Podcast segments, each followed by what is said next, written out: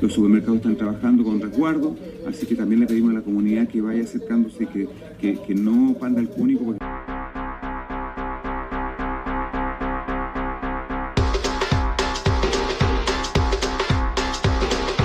Que no panda el cúnico. Las risas son muy importantes para la peña. Que no panda el cúnico.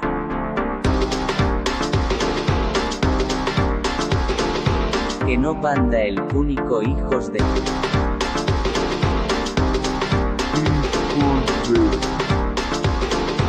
Aquí venimos a reírnos de todo. Radio puto cubito de hielo húmero Simpson oíste ahí toda la peña y el becas también joder.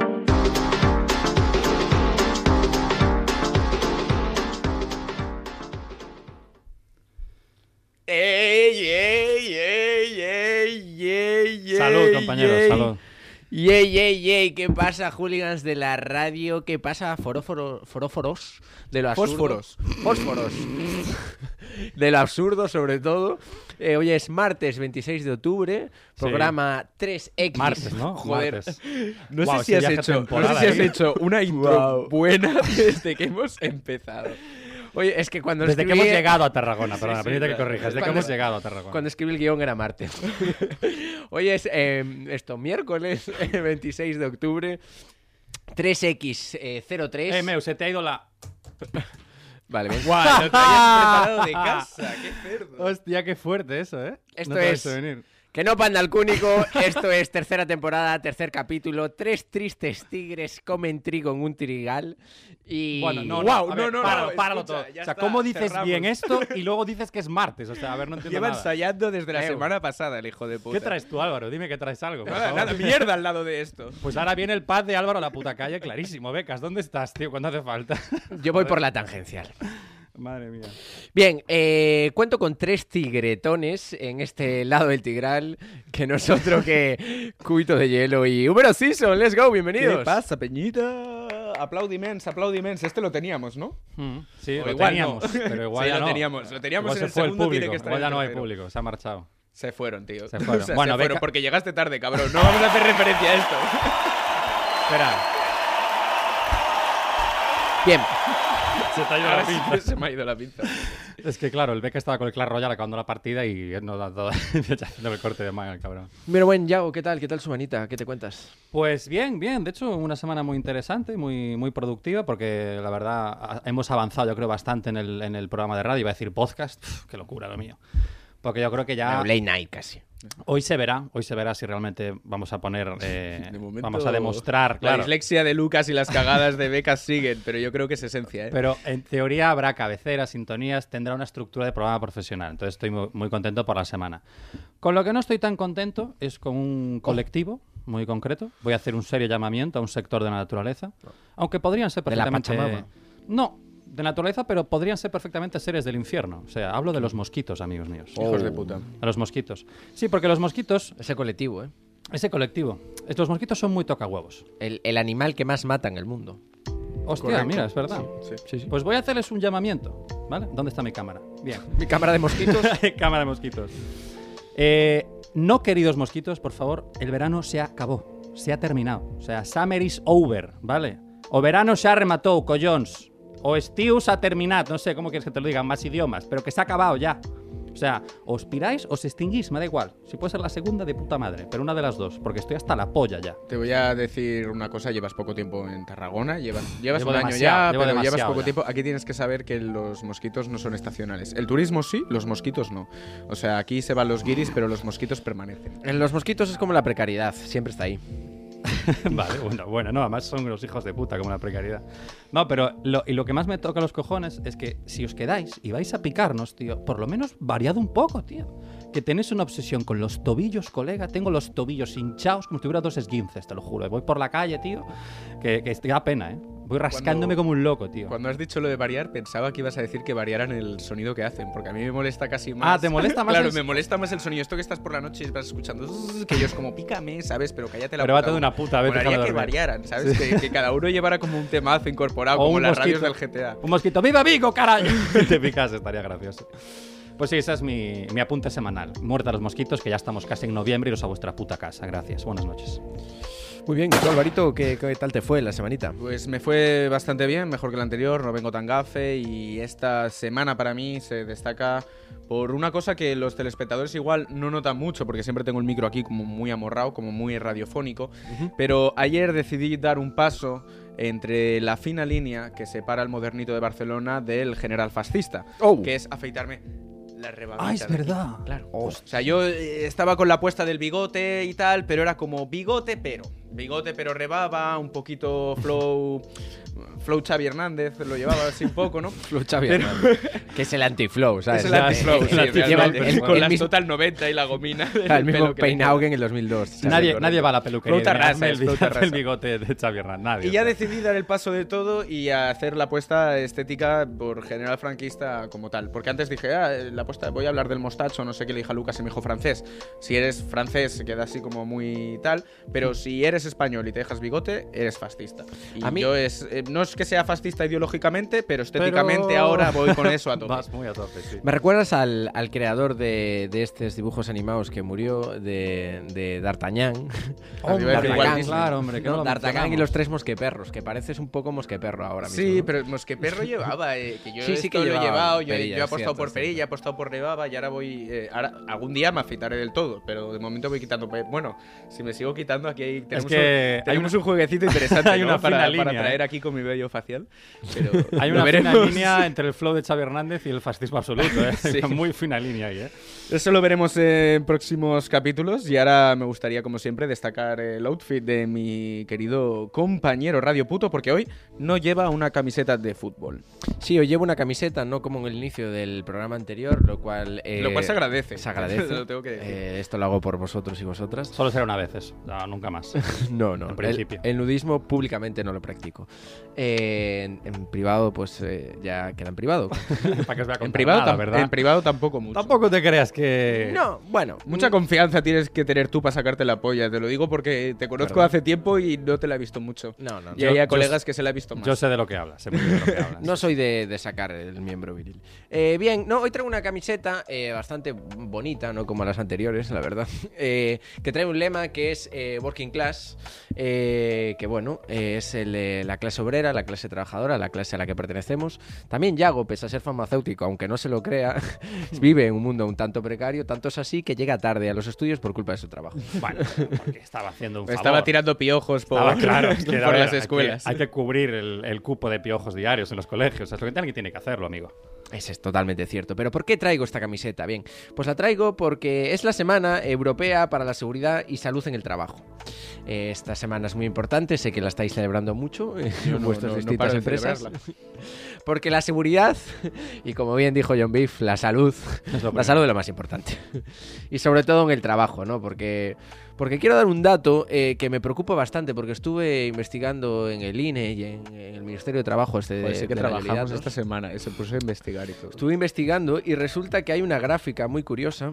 Bueno, primero destacar que en los eh, siete primeros mestre- eh, meses... Mestres, mestres, mestre, ma- mestres, maestro gallego, ¿eh? mestre, Ojo, mestre Mateo. con la dislexia, ¿a qué niveles llega? eh? Los siete primeros meses de lo que va de año eh, está habiendo un aumento de las muertes eh, en el trabajo, en el mundo laboral.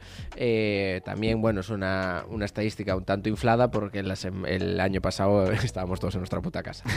claro, tío, es que no. O sea, que tranquilos. Tampoco Pero sesgado, un poco yo dije, bueno, va, esto igual es en plan un poco el titular, un poco trágico tal, y investigué años atrás. Pues resulta que hay una gráfica muy interesante que data eh, en el primer año, en el 1988, y que fue descendiendo las muertes laborales hasta el 2011. Y a partir del 2011 hasta el año de hoy fueron aumentando progresivamente. Hostia. O sea que Historia cíclica, ¿no? Nunca mejor dicho. no sé si es cíclica o sé si es por el aparecimiento de los offshore, de los repartidores, de estas empresas que no cumplen mucho las condiciones laborales. Uy, pequeña pullita aquí al, Eh, al gremio, es un repartidor. poco, es un cliff jajanger. Gremio en el que trabajas, además, Tenemos o un poquito de clip hanger. Hanger, aquí. ¿eh? Pues sí, porque señores, voy a criticar hoy mucho a ese patriarcado, a ese patriarcado y a la patronal. Recordemos eh, Y a la por un CEO, eh, momento eh, que eh, estamos estamos transmitiendo esto también a través de la plataforma Twitch. Ya, y vale, hecho vale. este apunte, Podemos continuar ya. que es del mismo dueño que Amazon, así que una vez ya Asentados, ¿no? asentados y llamando a las autoridades que nos escuchen porque se viene la batalla. Así que comenzamos, eh, darle a like, suscribiros y let's fucking go. Noticiario. Así que es el que va, pues, como, como si fuera un, un, un, un pepino.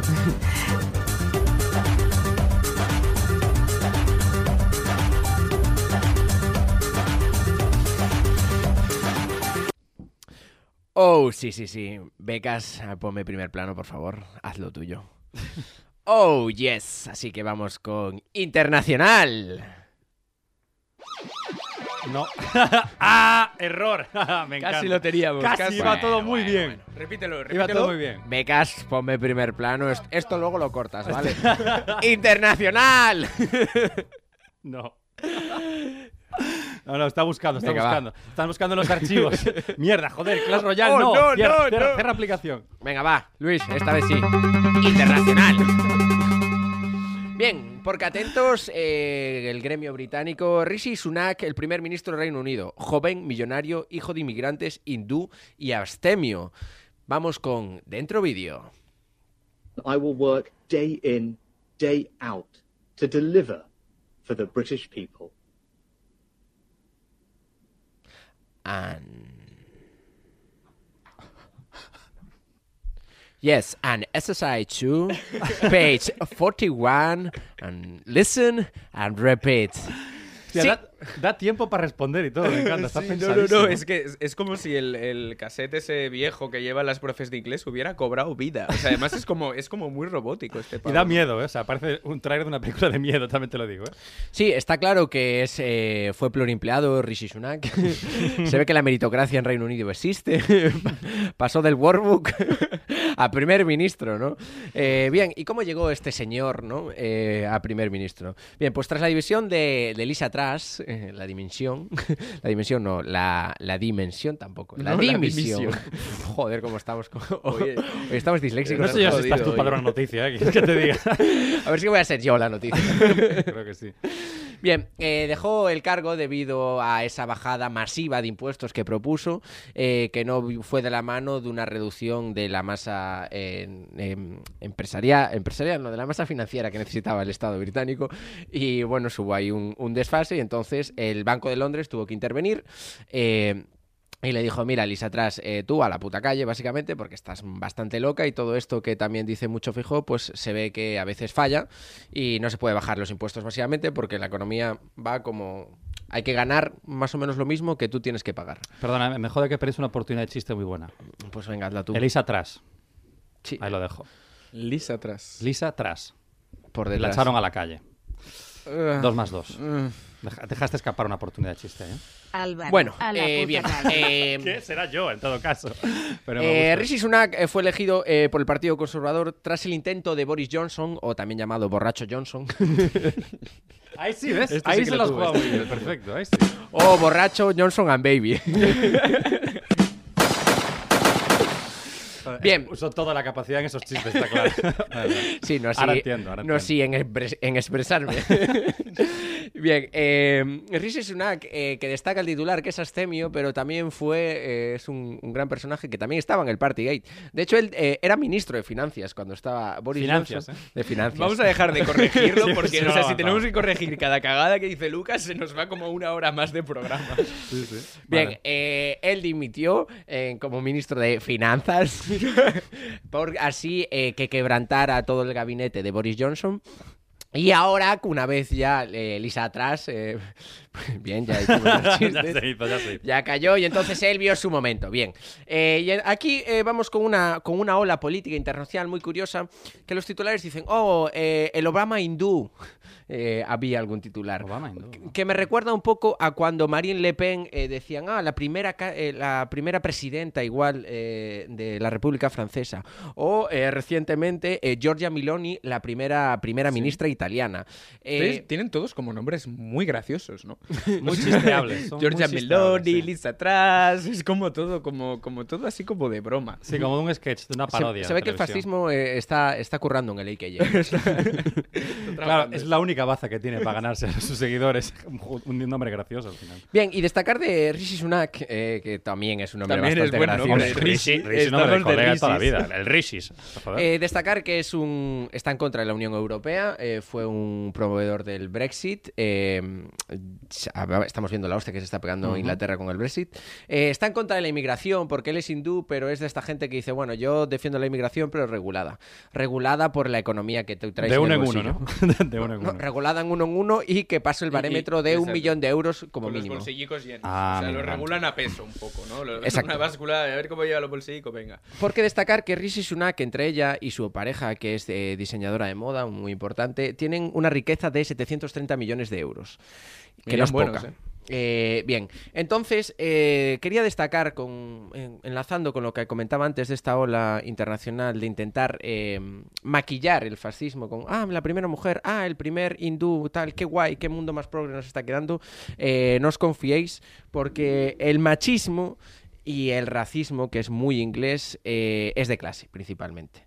Y por eso es como, venga, pasa adelante mujer, pasa adelante hindú, mientras tengas los bolsillos llenos, adelante. O sea, que no nos confiemos y sobre todo, pues eso, eh, Rishi Sunak, una mierda.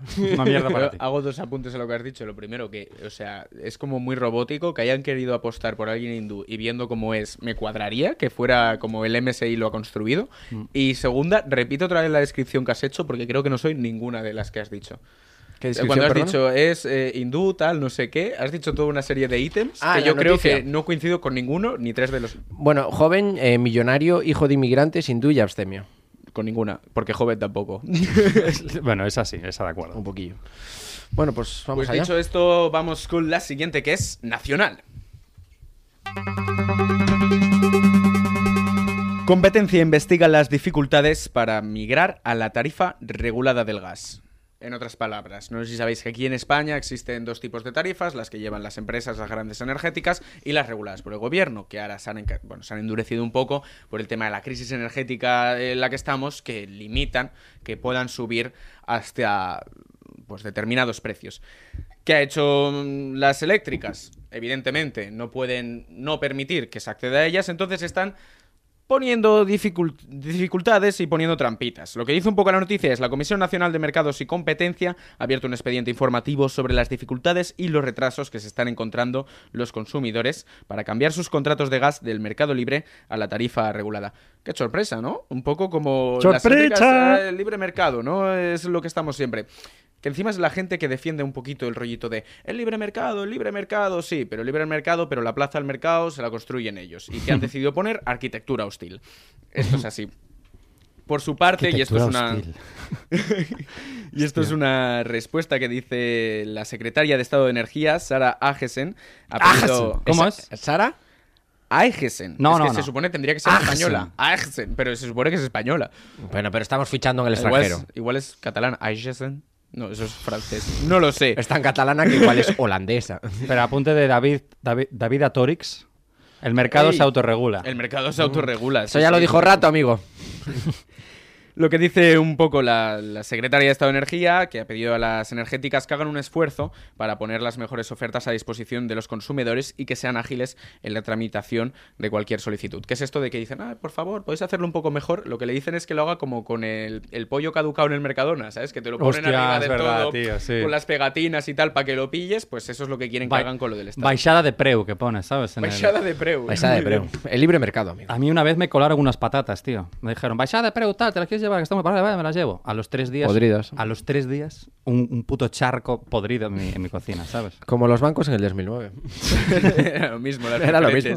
Sí, sí, rescátalos, tal, no sé qué. También podridos. Y últimamente, bueno, leo lo que es la opinión un poco que ha llevado la OCU para denunciar esta situación que se está viviendo. Dice que en concreto la organización denuncia que los servicios de atención al cliente de estas compañías o bien no atendían las llamadas a los consumidores en un tiempo de espera razonable, 30 minutos, o bien la llamada se acababa cortando durante la espera.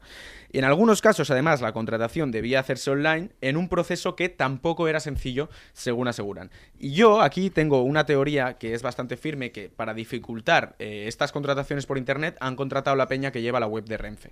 Porque esta peña son unos putos profesionales Unos en expertos, suyo. O sea, en, unos hacer, en expertos. hacer una web difícil, en, en- en intentar Que hacer hay algo varios enlaces, complicado. además, ¿sabes? El de Renfe. Tienes que coger el bueno, ¿sabes? Sí, sí. Y aún así cuesta coger un puto tren, ¿eh?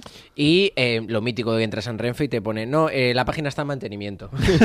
Porque se cae constantemente, ¿no? Y por eso la Yo tienes que, que mantener. los- Espero que los trenes no son igual, porque si estamos jodidos. Los servidores de Renfe fue llegar Internet a España, eh, hicieron unos servidores, que además creo que históricamente esto es real. Lo primero que se hizo fue como para Renfe el Internet, pusieron unos servidores y son los mismos. Y tienen al mismo tío contratado, el tío que descubrió el que era Internet en España, que Sí. no lo sabía nadie más, lo tienen ahí a Paco, llevando los servidores de Renfe. Con el Windows 98 probablemente. Correcto. Repartiendo los mismos cascos de siempre, madre mía. También, que eso es otra. Bueno, vamos allá. Siguiente noticia, por favor, primer plano, becas. Local.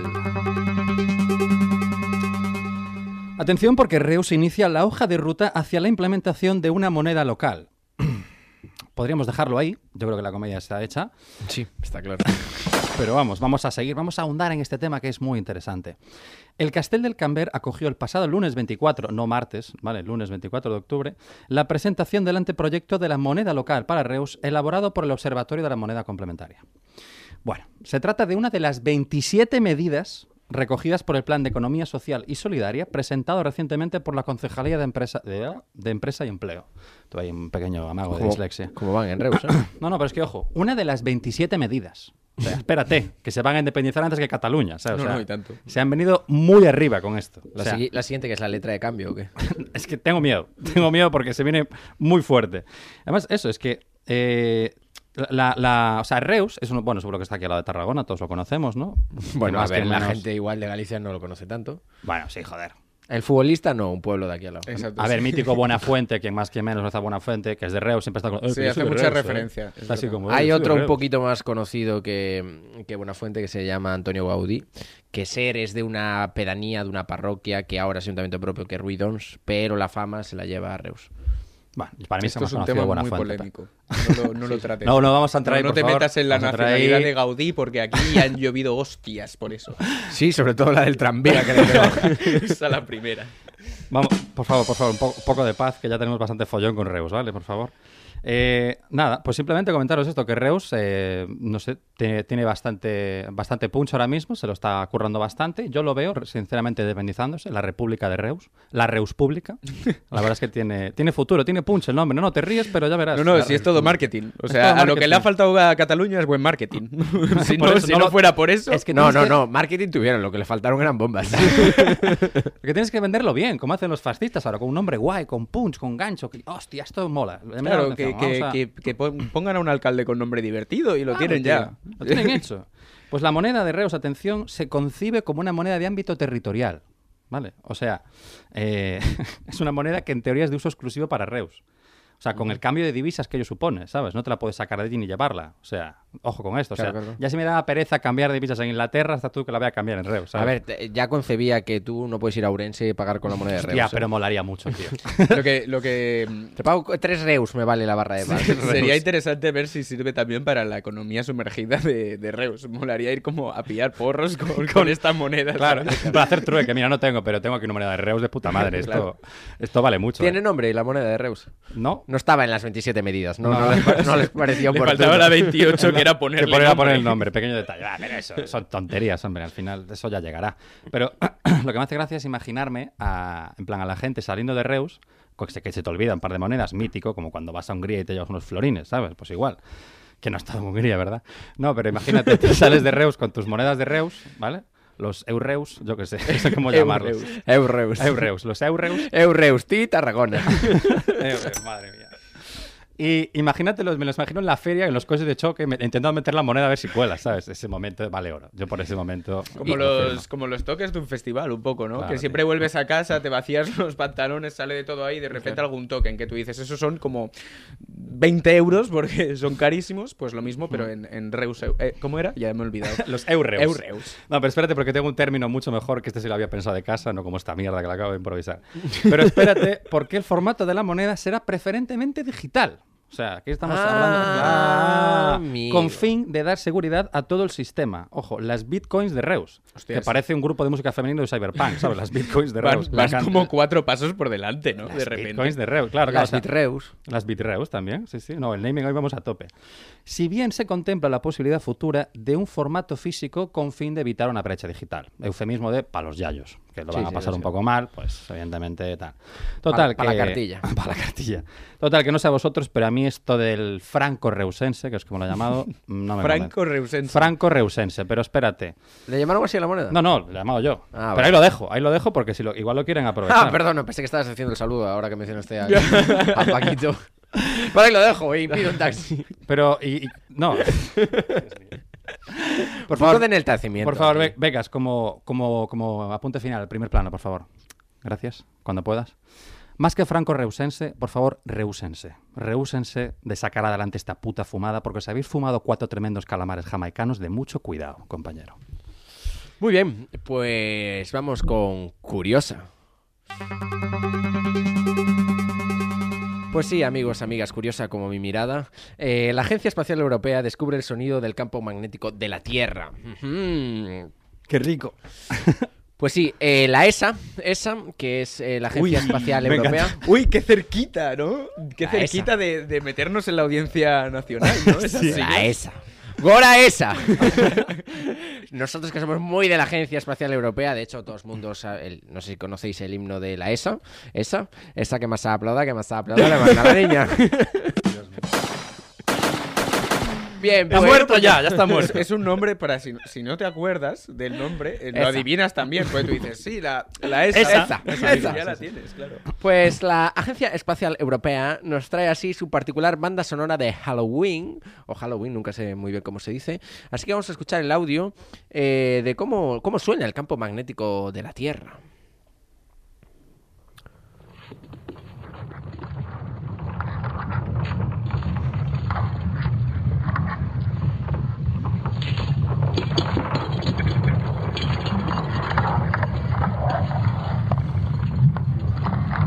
Mal rollera.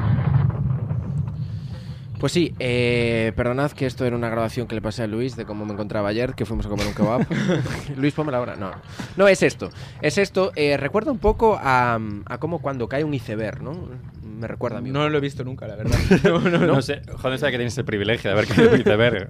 Es Querido que- compañero, lo siento, no podemos comentar en este tema, por lo que sea. Es que yo me voy mucho de tour con Leonardo a grabar con Greenpeace por allí. O sea, pero qué ruido, poco, ¿no? Me está dando como mal rollo ya, ¿sabes? Está muy chungo, ¿eh? Está tardando algo en salir a la ventana, en plan...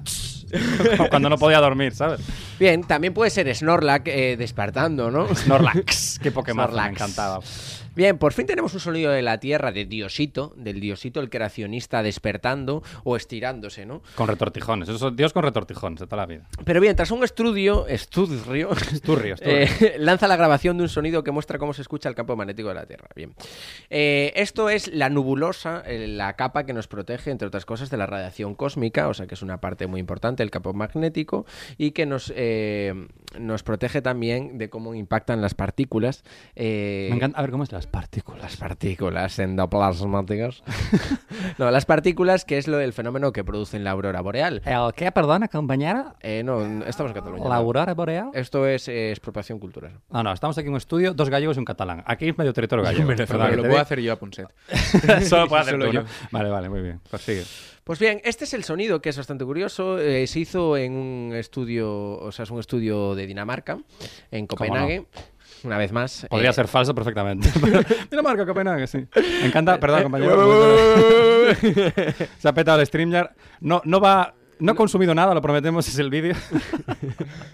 Es en Dinamarca, que van así. va muy a tope en Dinamarca. que no La nieve de Dinamarca. interferencias del sonido de la Tierra nos sentaron mal. Claro, yo creo que, ojo, ¿eh? Es Diosito que dice, hasta aquí. ¿Os reís de mí? Pues os vais a cagar. Os voy a Pues bien, bloquear el la emisión. estudio fue de una tecnología en plan súper innovadora que no- a ver si no sabéis cómo grabaron la Tierra.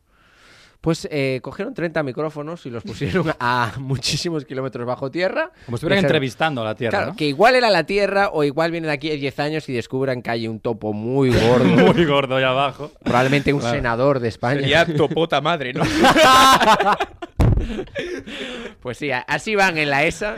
¿Dónde está la batería cuando hace falta? Becas, tío. Por favor, ahí está. Madre Pues sí, así suena, así, así suenan las reuniones en la ESA. Y suenan las tripas de la tierra. Joder, chaval. Así que let's go, vamos con la siguiente. Vamos con la siguiente noticia que es deportiva. El jugador de rugby Liam Hampson muere en un accidente en la sala Apolo de Barcelona. Aquí vamos a hacer un disclaimer. Lo primero de todo, porque eh, he buscado varias noticias y sé que esta es delicada, sé que eh, hay una muerte implicada y el cadáver está fresco, como aquel que dice, pero como está en la otra punta del mundo y este es un programa de comedia, vamos a reírnos un poco por de la supuesto. noticia. Y A partir está. de mil kilómetros está todo permitido. Hecho el disclaimer, em, el jugador de fútbol australiano Liam Hanson ha fallecido al caer de 10 metros de altura en la sala Polo de Barcelona en un suceso en un suceso que los Mossos de Escuadra consideran en un principio una muerte accidental. Lo que parece ser es que el cuerpo cayó desde 10 o un poco más de metros de altura, pero aquí lo más curioso es que esto pasó un lunes y tardaron dos días en encontrar el cuerpo. Hombre, es que hasta el miércoles no se va de fiesta la gente. Al compañero. Esto a, a mí me dice dos cosas, no, pero es que pasó de fiesta. Pasó de fiesta el lunes. Claro. Esto me dice para mí dos Qué mal todo, ¿eh? Sí, Para sí, contarlo sí, sí, es horrible, ¿eh? Primero, Vaya fiestón sería, no, no era un lunes. Claro. ¿Sabes? Lo primero, que igual no todo el mundo aguanta los Nasty Mondays, que es la fiesta que decía. Y lo segundo, ¿cómo de mal tiene que oler la Apolo para que estén dos días sin darse cuenta de que hay un cadáver ahí metido? verdad, o sea, tú, imaginaos que, a ver, me cuadra, por otra parte, ¿no? Porque sabemos que los olores de una discoteca, tú porque entras borracho, pero no tienen que ser muy agradables. Pues esto era un, un olor más, un olor más que no, que no llamó la atención de nadie porque lo encontraron luego, porque sus amigos le estaban llamando al móvil y sonaba continuamente. Y la gente que estuvo buscándolo y tal lo encontró a través del móvil. Wow. Un poco lo que son los hechos de... de- bueno, era un, un equipo de rugby australiano que estaban de vacaciones por el descanso de temporada y todo el grupo de amigos, menos Hampson, se marcharon de la discoteca. No, él, él, por lo que sea no marchó. No, claro, Él aquí se, está que- la cosa. se quedó koala. Marcharon marcharon hacia, ahí, las, ¿eh? hacia las cuatro y media y él se quedó, eh, parece ser, y hacía pocas horas que habían llegado a Barcelona, estaban de ruta por, por Europa aprovechando un periodo de vacaciones. Es la puta y vuelta más cara de la historia. O sea, en otras palabras, es así. Y luego refirma un hecho, que esto es así, y, y aquí todos fallamos, todos pecamos, no pasa nada, pero a partir de las 3 pirata casa. A partir de Mm. las 3 no pasa nada bueno. Sí. O sea, llegan las 3, sí, acabo la última copa, tal, no sé qué, no te lo vas a pasar mejor, no vas a pillar y a lo mejor te pasa lo que le ha pasado a este pobre Mm. joven, pues a las 3 te piras y ya está. Estamos ya con una edad para no salir hasta las tantas. Álvaro Viejoven, el chavalito Viejoven. Tam- También me sorprende el, el que, el que plega, el que cierra el Apolo. eh, también va a full, full cristal, o no sé cómo van aquí, para no darte cuenta que hay un cadáver en tu puta sala cuando la cierras, ¿no? O sea, me Claro, aquí va un poco el, el detallar de cómo fueron los hechos exactamente. O sea, no cayó, si tú ves la Polo, hay dos plantas, hay 18 salas, es muy grande, pero no hay como 10 metros de altura entre, entre Pero- una planta y otra de ninguna de las salas de fiesta. Por eso solo fumo. Ya, muy ya. bien, becas. no, muy bien, no.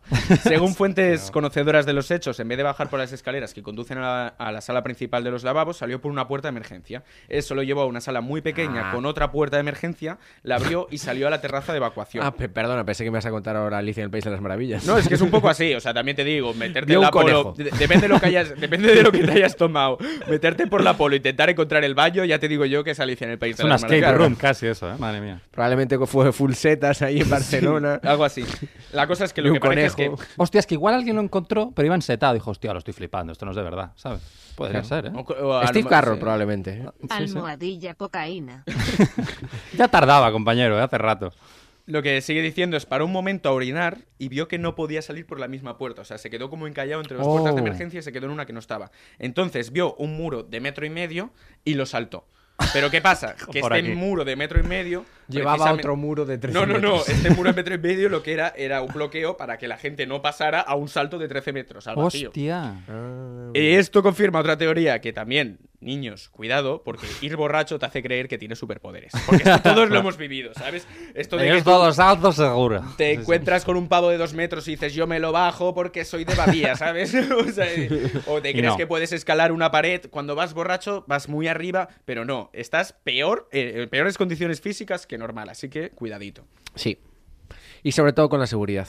Pero ¿Qué un momento. tú hasta tenemos las nueve? Pues nada, Coger a los ¿no? demás para que no se maten. Bien, buena respuesta. Lo has hecho muy rápido ahí. Vamos allá, compañeros. Siguiente noticia. Por favor, primer plano, becas. Editorial. Atención, porque Ayuso provoca una oleada de indignación en Twitter por sus palabras sobre los jóvenes. Dentro vídeo, por favor, somos tan amables. Somos. ¿eh? Pero les falta esa cultura del esfuerzo que se ha ido perdiendo por muchas cuestiones, por las sucesivas leyes educativas que han convertido la educación en España en un gran fracaso, regalando los aprobados, igualando a la baja y, por tanto, con un exceso de promesas que solo lleva a una frustración de expectativas. También la revolución digital, la transformación digital, que es una gran oportunidad para agilizar administraciones, para modernizar empresas, pero que, sin embargo, al crear una multitarea en la forma de vida de los jóvenes, les está aislando socialmente, les está mm, eliminando, por ejemplo, el, el tesón, la paciencia y el relacionarse con otras personas como hacíamos otras generaciones en el pasado. Claro que sí, Ayuso. Claro que sí, mujer. Podemos dejarlo aquí, ¿verdad? Sería lo fácil, porque la comedia se hace sola ya, no creo que haya que decir nada. Pero antes de entrar con mi reflexión personal, porque sí, tengo algo que decir, querría leer uno de los tweets, porque son muchísimos, pero hay uno que me gusta mucho porque resume muy bien lo que estamos pensando todos ahora mismo. Arroba Gerardo TC responde al vídeo con lo siguiente. El camino del esfuerzo es ser presidenta por haber llevado la cuenta de Twitter del perro de tu jefe. El camino del esfuerzo es vivir gratis en áticos de lujo y que tu familia se forre trapichando con mascarillas en lo peor de la pandemia, ¿verdad? Eso es un poco el, la- Es el el, es el camino que eligió. Camino que eligió, efectivamente. La meritocracia. Es difícil transmitir tanta verdad en tan pocas palabras, Gerardo. Por ello, Gerardo for President, desde aquí lo anunciamos ahora mismo. Quiero que por favor todos sigáis arroba Gerardo TC. Es más, dejad de ver este podcast y, y poneros a seguir a Gerardo TC, estáis tardando. Y la verdad, ahora fuera coña, si, si bien estoy de acuerdo en, en que Ayuso pues no es la, menos, es la menos indicada para criticar a los jóvenes, sí que estoy de acuerdo con cosas que dice. Es decir, no estoy defendiendo a este fracaso de las expectativas personificado, que es Ayuso, sino que quiero hacer una reflexión sobre lo que dice, porque hay ciertos conceptos que, con los que sí que puedo estar de acuerdo. Hay parte de análisis que sí que me, me- interesa. En primer lugar, aunque sea una observación muy evidente es una pullita regalada contra el PSOE, estoy plenamente de acuerdo en que el sistema educativo en España deja mucho que desear. O sea, Hombre, no... pero esto, esto no viene de nuevo para nada. Claro. Y un claro ejemplo es Ayuso. Eso es algo, sí, efectivamente, que esa mujer esté ahí ahora mismo es un claro ejemplo. Entonces, juega con algo muy fácil, algo muy sencillo, que es que el sistema educativo en España es el que es, que básicamente se basa en empollar durante horas, llegas al examen, lo vomitas todo y a las dos horas ni te acuerdas de lo que has hecho, ¿verdad? Y además es cierto que muchas veces se regalan los aprobados, pero es que no solo eso, también se regala algún que otro máster, ¿verdad? Esto también lo sabe muy bien el sí. Entonces, bueno, eh, por lo que sea, Ayuso de esto no quiso quejarse. Los aprobados sí, pero los máster regalados, esto no lo vamos a comentar, ¿verdad? Y en segundo lugar, también concuerdo, es verdad que concuerdo mucho, con que la revolución digital está absorbiendo nuestras vidas. Está absorbiendo nuestro tiempo con tanto internet y tanto meme. O sea, esto es cierto. Y también está degradando y perjudicando nuestras relaciones personales. Porque estamos todo el día con las redes sociales y falta contacto físico. O sea, eso es verdad. Yo creo que existen multitud de herramientas digitales que no estamos aprovechando bien. Sabes que estamos cogiendo dos o tres que no valen para nada, para nada más que para pasar el rato. O sea, estoy seguro de que hasta el hermano de Ayuso, cuando nos suministró de mascarillas en España, utilizó herramientas digitales. O sea, que es un ejemplo claramente a seguir, el hermano sí. de Ayuso. Esa es una herramienta buena, además. Una ¿no? herramienta porque, buena. porque te, te da Te dinero. da comisiones de puta sí. madre. O sea, el chaval se lo monta de puta madre. O sea, que por favor hay que tomar un poquito de ejemplo. Y lo último lugar, lo que sí que más... eh, lo que más importa, lo que quiero recalcar, ¿vale? Que es muy importante, es lo que dice primero al principio, eso de que nos falta cultura del esfuerzo. Pues sí, no, no, espérate, espérate. Espérate, porque es cierto, es cierto. No nos esforzamos lo suficiente, Ayuso. No nos esforzamos lo suficiente en expulsar esta hipocresía y negligencia que gente como tú nos muestra cada día en el poder, ¿verdad que sí? No nos esforzamos lo suficiente. Oye, estás, en toda la oye, estás Oye, presentando estás- tu candidatura. ¡Zasca! ya, o sea, de verdad. Que te Oh my God. Yo te había dicho alcalde de Reus, pero vamos, optas a más. Bueno, ya no voy a hacer una paja. Solo, solo, voy, a, solo voy a hacer un apunte ah, para todos nuestros espectadores, que es verdad que las redes sociales y las nuevas tecnologías nos están absorbiendo, pero este podcast no. O sea, este podcast es de puta madre. Aquí sí que damos calidad. Porque existe un adoctrinamiento bueno. Así que nada, eh, Buah, esto- o- ojalá entender el mensaje que ha puesto Arnau. eh, Ah, pero es que no, lo veí, ¿eh? El Yago es enfermero, res- reseteme una de... Reseteme o resérvame, ¿no? probablemente- Una de Marisela Guava. Eh, no, no trabajo eso, compañero. Probablemente Arnau vaya como Boris Johnson ahora mismo. Arnau, Arnau está viendo este programa como hay que verlo, así que vamos a Va muy respetar. Boris y muy poco Johnson ahora mismo la Arnau, ¿eh? Respetemos los hooligans de la radio. Eh, con esto finaliza el noticiario y ahora vamos con un sketch de nuestro amigo Becas. Que, ¿Qué nos traes hoy, Becas? Vamos Sorpréndenos. con becácdotas. Hola, soy el Becas. pero ya lo sabéis. La semana pasada hemos hablado sobre cómo ser un becas, qué significa ser un becas, pero hoy quiero hablar más concretamente de lo que es el día a día de ser un becas. Por supuesto, sería un poco egocéntrico que lo diga yo, así que prefiero que lo cuenten mis compañeros de trabajo y mis increíbles tutores. El Eric me enseñó a mí bastante, de hecho me, me- recompensaba bastante por cómo trabajaba, me decía que me esforzase y tal. Yo creo que le caigo muy bien, lo tengo como un hermano mayor, no, pero no sé, le tengo bastante cariño.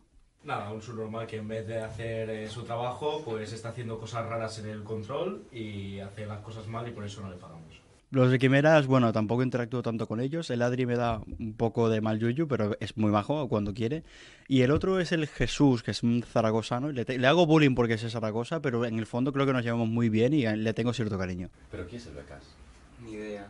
Ah, Luis Blaine. Ah, ah, es, es un Que se mete mucho pesado. contigo, sí, está todo el día por aquí pululando, que a veces viene a hacer cosas. Sí, bueno, sí, nos- sí. y nos tiene comprados con caramelos, eso está bien. Sí, pero a mí me dan los malos. Ya, ya, ya. El chavalito, es que que deciros del chavalito. Si estamos todo el tiempo allí, pum, pim, pam, Technics RSTGN no sé qué. Si nos queremos muchísimo, él y yo. O sea, cuando él me hace favores, yo le hago favores de vuelta, pero de los guays, no, no de esos que le gustan el Yago. Pero, pero en general bastante bien. Me enseña bastante de cosas técnicas, se preocupa por mí. Yo al Álvaro, uf, le tengo mucha estima. que yo me quiero ir a casa y encima tengo que grabar. Eh, ¿me, vas a hacer preguntas o tengo que...? El Becas, pues el Becas es un pavo rarísimo. El Becas es un pavo que viene aquí cuando sale los cojones. Viene, mira, lo único que me mola del Becas es que siempre viene vestido como un puto payaso y me puedo descojonar de su cara. Viene con pelos raros y tal, eso cuando va a la peluquería, que son pocas veces. Pero lo que más me jode del Becas es que es un puto panchi. Pues el Miquel, como empezamos aquí los dos juntos como becarios, teníamos esa hermandad bien desarrollada, hacíamos informativos juntos y los hacíamos de puta madre. Pero bueno, mira, ahora no nos llevamos tanto porque él está con sus cosas y tal y yo estoy a las otras, pero eh, que nos tenemos un montón de cariño los dos. ¿En qué momento se eligió ese, ese, apodo? Es que no lo entiendo. Y además luego te viene aquí, te viene sin peinarse, es decir, ese pelo panocha que cada vez le crece más y... Es que, ¿qué, qué- qué voy a decirte? Es que no tiene ni puta idea. Además habla mal, no vocaliza. ¿Habéis escuchado sus informativos? ¿Los habéis escuchado? Pues yo también, porque estaba ahí al lado. No puedo con.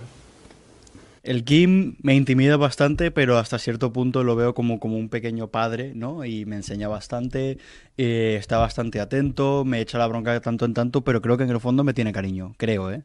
A ver, es un inútil. O sea, la cámara debería estar a la altura de, mi- de mis ojos y está 20 centímetros más arriba. O sea, no tiene ni puta idea de comunicación. Al Jonay es como mi hermano aquí en la radio, o sea, todo el tiempo estamos haciendo coñas, eh, me dice que soy un parguela, yo le digo a él también lo mismo. Muy, muy buen chaval, sí, sí. Solo se pasa todo el día haciendo stickers, que si música, que si...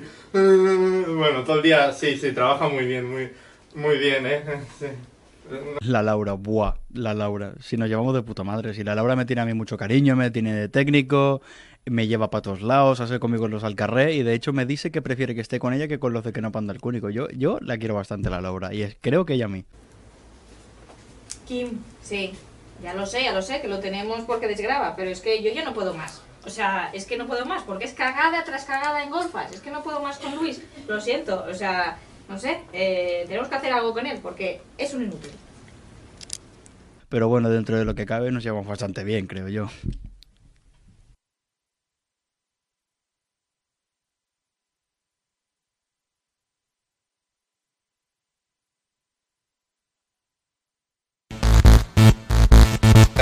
De documentales de paranoia, de rollo, es mentira todo. Viví en.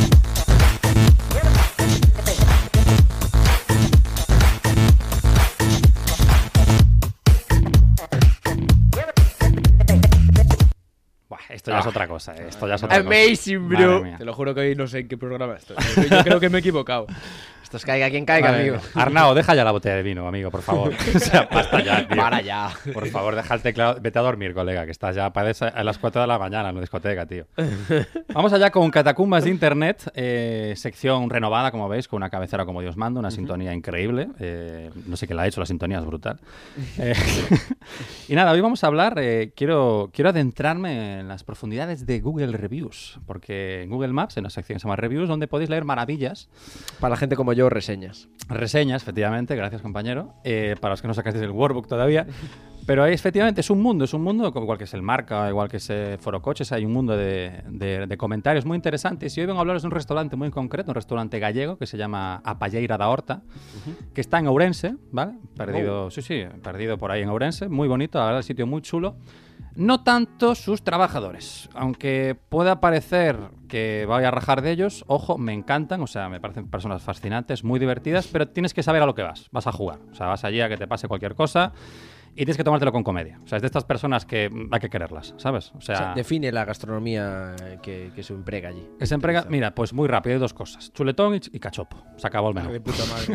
Y de beber albóndigas. De beber albóndigas. No, pero- Vegano, es el típico, restaurante vegano. típico restaurante de Ourense vegano. Nada más, ojo, porque está regentado por un cubano. O sea, es Ah. muy interesante. Tú llegas allí, ¿vale? Fui allí en verano con, con mis padres y con...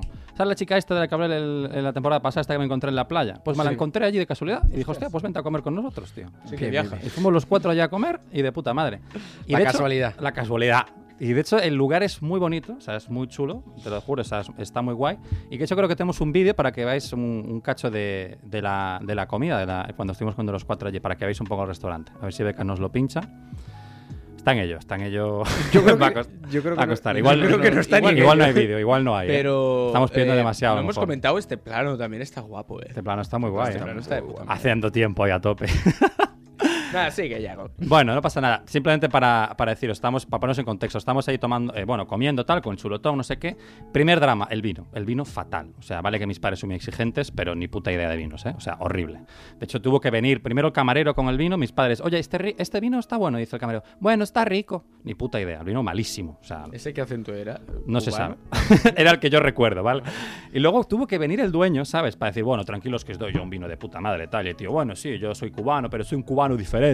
Y me mudé a Nueva York y allí pude aprender mucho Bueno, de vino. no tan Y ahí diferente. aprendió a hacer cachopos. Es que Ahí- yo me pierdo, eh. La, la línea Claro, temporal claro. no la sigo. El cachopo neoyorquino. Claro, el mítico. Y mi padre diciendo, o sea, que aprendiste allí, ¿no? De vino. Sí, sí, en Nueva York yo aprendí de vino mucho, muchísimo. Le da el vino tal, uno que según él es la hostia, y mis padres cara de, bueno, vamos a pasar del vino, vamos a comer porque no, no vamos a llegar a ningún sitio. Y, y cuando estábamos comiendo tal, todo fenomenal, ¿eh? La atención espectacular y tal, pero el bar vacío, o sea, el restaurante vacío. O sea, no había Eso es un indicio nadie. de que igual... eh, Hay algo ahí raro, algo ahí raro. O sea, para que te hagas una idea, nada más entrar, nos llevaron a la planta de arriba, pero en las escaleras había como una bruja de juguete y el camarero hizo... Y la bruja se encendió con los ojos, empezó a gritar, o sea, era como una noche de Halloween, como una velada de Halloween. Sí, Como el principio de una peli americana de, Sí, estas de sí, serie B, ¿no? de, de serie de terror. O sea, Portaventura versión rural. sí, sí, de ese palo. Versión gallego rural. Y de- aunque la verdad es que la comida estaba terrorífica, pero bien, o sea, estaba muy bueno. Seriamente, yo vengo a recomendar este sitio. Pero nos llamó mucho la atención, nos llamó tanto la atención que luego yo no pude evitar ir a Google Maps y ver las reviews, tío. Me picaba la curiosidad, ¿sabes? Digo, hostia, tío, este tiene que ser la. Coméntanos, coméntanos. Y ojo, porque, eh, bueno, no os voy a leer las buenas, porque gracia tiene, ¿verdad? Las Ay, que sí, muy bonito el sitio, las vistas, la comida muy buena, tal. No, no, vamos a lo, vamos a lo magro, vamos a lo bueno. Lo que nos interesa. Hay algo, hay, hay, bueno, hay so- hay- son muy largas, pero os voy a leer un par de ellas que son buenísimas. Comenta, comenta, esto no sé qué. no- no- no le- ah, Alex Serrano, hombre, puede ser Alejandro, el de, el de los juicios, eh, el del nudista, puede ser, ojo, ojo que no sea Alejandro. eh. Alejandro C. Ah, pero es Serrano, bueno, pero es Serrano, igual se equivocaron. Ferrano. Serrano. Alejandro Serrano. Pues nuestro querido amigo Alejandro. En catalán, tancano. Tanca- Dios mío. Bueno, siguiente sección.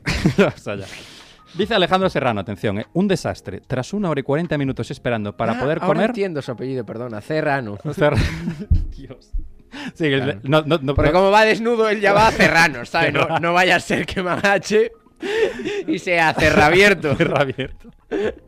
O abier- abiertano. Te sale bien, Abiertano, sonó bien, abiertano. pero no te sale bien. Bueno, Sí, perdona. Bien, continúa, por favor. Sí, sí, porque, madre mía. Un desastre, un desastre. Tras una hora y 40 minutos esperando para poder comer, nos tuvimos que ir. Hay veces que un restaurante está lleno y debes tener paciencia, pero en este caso no era cosa de que estuviera a reventar. Después de una hora y media esperando, preguntamos por la comida y nos dicen, sí, sí, solo en unos minutos. Pregunto cuánto y me dicen que 10 o 15 minutos. O sea, dándole largas a la peña, ¿sabes? el, el bueno de Luis, que debe ser el dueño, pues intentando entretenerlos, ¿no? Y bueno, dice que decidi- decidieron irse, entramos a pagar las bebidas, el camarero sentando, tomándonos un refresco. O sea, un cachondeo que flipas allí. Y ojo, porque responde, atención, el propio dueño, ¿eh?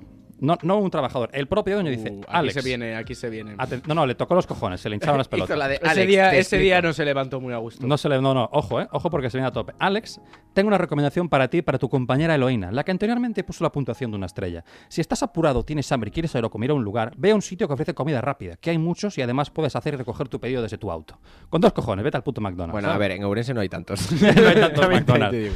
Ahora, si deseas ir a comer a un lugar y sentarte en la terraza de ese sitio, disfrutar de hermosas vistas y además ver a tu alrededor 25 o 30 personas disfrutando su comida, cuando fui estaba vacío. Entonces, eh, Vale, entonces ven a visitarnos pero sin prisa, como las personas que están a tu alrededor, como diciendo ven aquí a disfrutar de esta maravilla de lugar y sin prisa, relajado, ¿sabes? O sea, el tío calentadísimo, ¿sabes? Para que veáis que es un tío con dos cojones. Siguiente, esto va escalando, ¿eh? O sea, le dijo, no me agobies. No me agobies, no me rayes, sí, sí. Ojo porque esto va escalando. Dice, la verdad, leyendo otro comentario. Este nos lo deja un tal Mauro Rodríguez, ¿vale? Señor Mauro, el bueno de Mauro.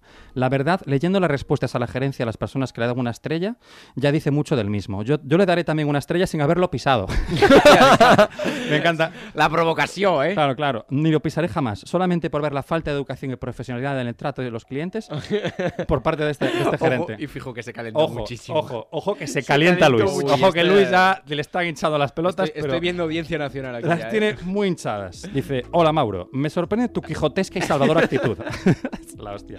¿Tu Sin- quijotesca ahí? Tu quijotesca y salvadora actitud. Salvadora, bueno, sí, el Google Transla- el Google corrector, supongo. No sé, Salvadora. no sé qué pasó ahí. También me sorprende, y es aquí donde veo tu intención real, ya que solo leístas, lo- lo- solo leístas, no, le- es que no, no sabes exactamente lo que pone. Te juro que pone leístas, ¿eh? Se emocionó demasiado. Solo leístas, estaba ah, consumido por la rabia. Solo leístas los comentarios negativos, entre ellos de varios clientes que como tú nunca estuvieron en nuestro restaurante, o sea, todo. ¿Cómo puedes juzgar un acontecimiento sin haber participado en él o sin haber sido perjudicado en el mismo? O sea, se pone todo rollo abogado, ya muy serio, ¿sabes? Te va a plantar una denuncia que te vas a cagar. Mientras escribía esto, el restaurante abierto probablemente. Claro, claro. No, no, no, la espera, gente, espera. la gente Alejandro esperando su pedido y él respondiendo las reseñas. Claro, es que esta es la situación, ¿entiendes? es que es un drama, ¿sabes? Y, y uno, que, uno que me encanta, que este ya este es de la hostia, dice, qué sinvergüenza eres, Luis, estafador y ladrón. A mí que di la vida por este negocio y me la intentas jugar así, robándome. Tranquilo, que ya subiré la foto de la denuncia. Que se entere todo el mundo de quién eres. Da igual que me bloquees en WhatsApp. Se van a enterar todos de quién eres. Y responde Luis. Muchas gracias, Francisco. Te esperamos pronto. Hostia, Te pero lo esto es juro. como un extra trabajador. Te lo juro, Sí, tío. sí. Buenísimo. Aquí hay, Te lo aquí hay juro, es oro, Netflix, es oro. eh. Es oro. Y estos son solo tres reseñas, ¿eh? O sea, hay, bueno, es que hay de todo, tío. Hay- es una maravilla. Es, es el, es el socas de, de la comida, ¿no? Claro, pero yo ahora iría, cuentas. o sea, aparte por comer bien, que lo recomiendas y tal, iría por la experiencia, Por por, la- conocer a Luis, juro. un personaje, ¿no? Como, joder, eh, estoy completamente Eh. intrigado. Un cubano que ha vivido en Nueva York, que hace cachopos Una y se experiencia- dedica a contestar violentamente a la gente, menos a los que... Ah, o sea, los que- no, los que lo hacen, a los que, a los que les habla bien, oye, ma- magnífico, tenéis que leerlo todo, ¿eh? Te lo juro, es una experiencia inolvidable de en todos los sentidos. Te da la tarde leer esto, te lo aseguro. No, hombre, si esperas tanto, seguro que Te da tiempo para leerlas mientras esperas la Vas comida, a- pues te Vas a comer y cenas. También. Pues bien, vamos con un poquito de señalamiento público, ¿no? Y ahora con cabecera.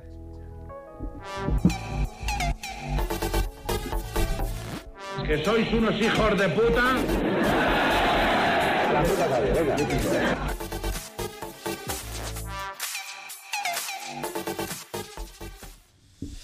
Pues sí, eh, iba a ver, pero ya no. Estas televisiones, amigos. Bien, eh, señalamiento público, esta sección en la que nos cagamos en alguien. Eh, y en este caso voy a optar alto. Ya hice el cliffhanger en, en los inicios del programa. Que no clickbait. Que no clickbait. Eh, y voy a actualizaros un poco de mi precariedad, eh, dado que es la semana eh, de la seguridad en el trabajo y la salud. Eh, pues no tengo mucha, estoy muy mal últimamente. Alguien... Ni lo uno ni lo otro, ¿no?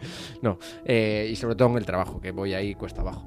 Eh, bien, eh, os quedasteis en que yo era hostelero, que suena muy bien, pero era un puto camarero, un auténtico pringao, un... Hostelero tienes que tener un negocio en propiedad, ¿no? Si fueras hosteleros de puta madre, creo. O sea, perdóname por no sentir pena por ti, compañero, ¿sabes? Pues no, no, no, no pertenecía a la COE. eh, era del mundo obrero. Eh, era camarero y abandoné por estar eh, bastante, bastante reventado y por no tener ningunos horarios decentes. Y dije, bueno, pues me voy a meter en otro gremio, en el de repartir, porque a mí siempre se me da muy bien repartir. Recibir también, Por favor, si queréis darme algo también. pero por recibir eh, no se paga mucho y por repartir se, se paga más. Es lo que tienes, sí. Y entonces empe- empecé siendo eh, motorista del Telepi, como Jorge Lorenzo en su día. Es verdad. Ni, ni me acordaba de esta Los etapa de tu inicios de, ¿eh? Lucas Repartidor, ¿eh? Eh, Sí, sí, sí. Bueno, a ver, empecé antes, pero no, no tributaba como tal. Bien, ver, eh, perfecto. eh, esto, esto ya prescribió, creo. Sí, Era- sí, eran sí. se- ¿Cuánto? Dos años para que prescriba, ¿no? No, no era así. Bueno, No te la Eh, juegues, por si acaso. Por si acaso dejarlo ahí. Esto luego lo cortamos. Sí, sí. Bien, eh, era motorista en el Telepi y claro, eh, te dan una moto, una 125, te dan un casco y, y tú dices, ¡buah! De locos. O sea, El rey del mundo, ¿no? te- me pagaban 6 euros la hora, imagínate. O sea que yo decía, bueno, dado a que no voy a tener dinero para comer, al menos vengo a pasármelo bien. claro, para que Y disfrutar la- el trabajo, ¿La pizza te la ponían o...? me la ponían detrás de la moto, pero yo no podía ni no, olerla. ¿eh? No, no, no, no. No, no, no te- ni, ni podías comer pizza. O sea, Real, real, real, real.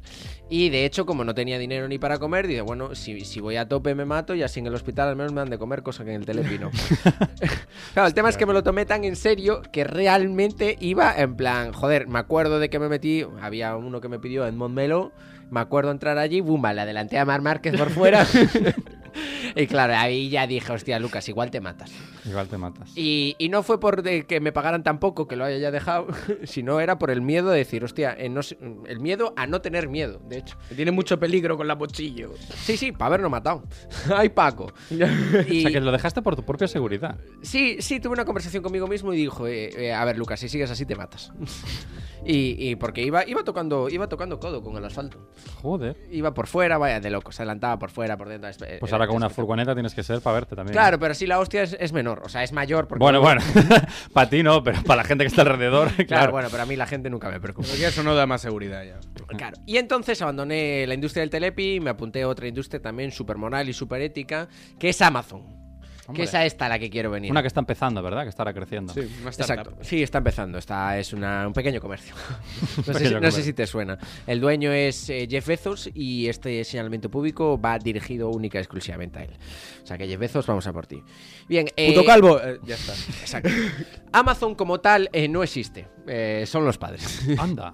Son los padres de las empresas de tributar impuestos, porque como no existen, es una offshore y no tiene plantilla como tal. Es decir, él eh, su, su contrata todo tipo de plantilla. Yo trabajo para Amazon, pero no soy plantilla de Amazon.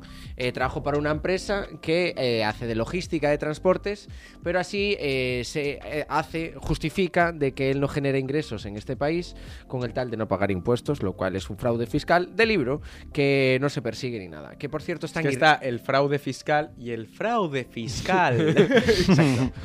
¿Y a qué no sabéis dónde tributa Amazon? En nuestro querido A país de Irlanda.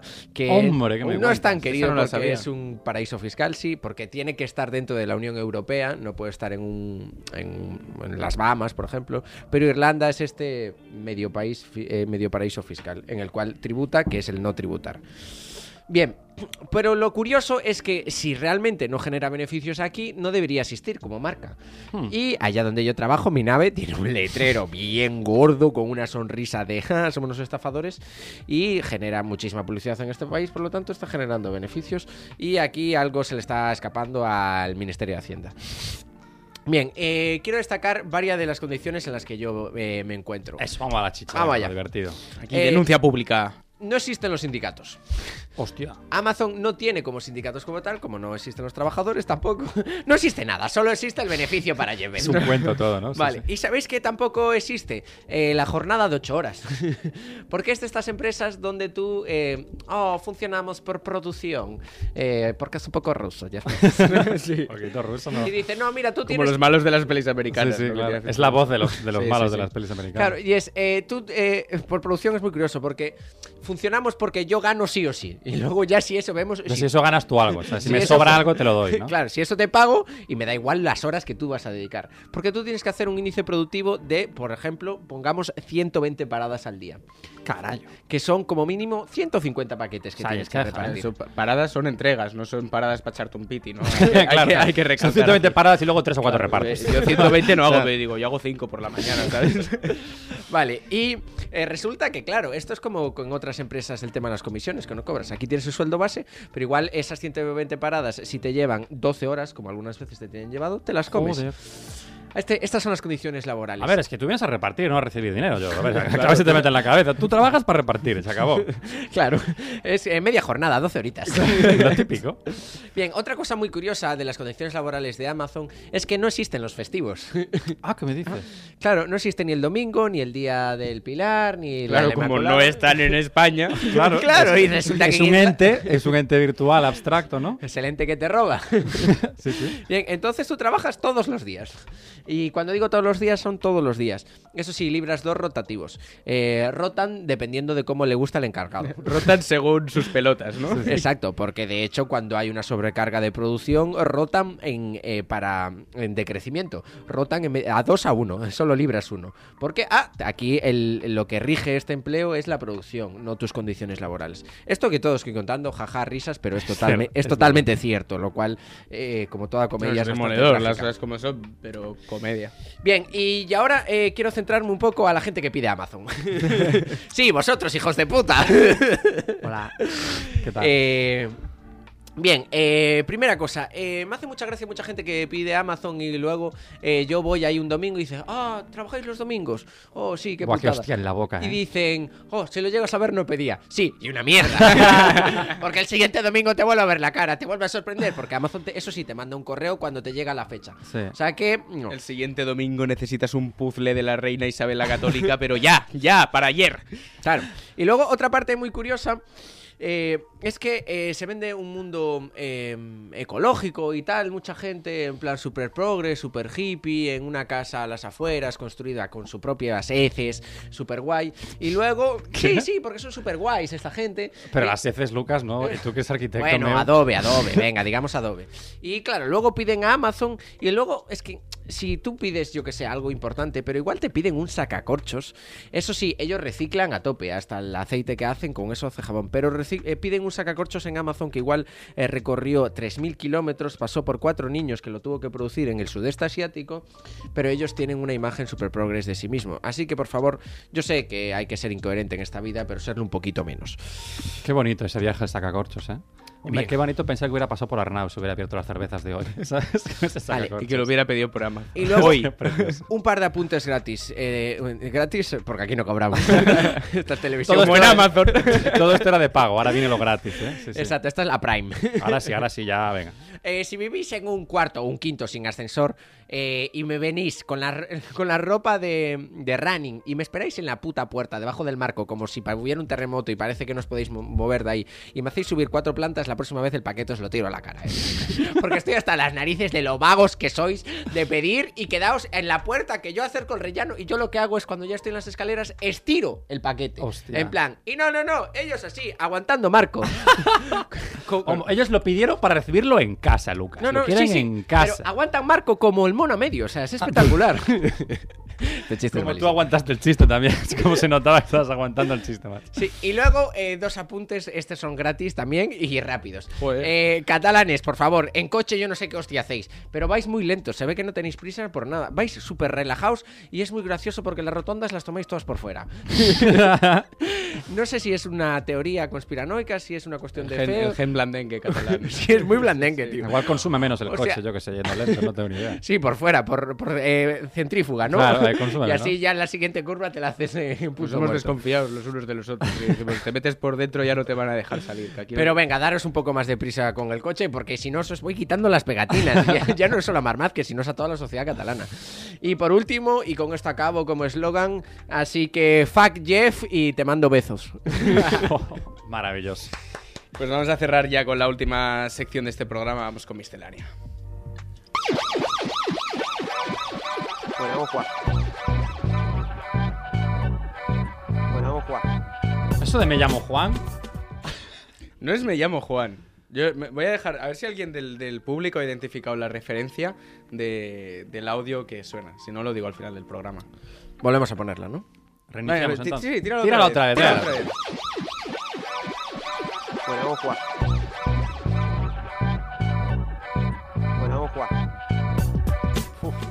Ah, yo la tengo. La tienes. Venimos a jugar. Eh, algo Venimos así. a jugar, ¿no? Es el Kun Agüero diciendo, diciendo Ah, bueno, vamos a jugar. ¿No te acuerdas Sí. cuando Ah. ha explotado una bomba tal, no sé En qué? Beirut, en Líbano era, ¿no? Bueno, vamos a jugar. Hostia, es que era como un listening nivel experto, ¿eh? Te Sí, lo juro. Era el primer ministro de Reino Unido.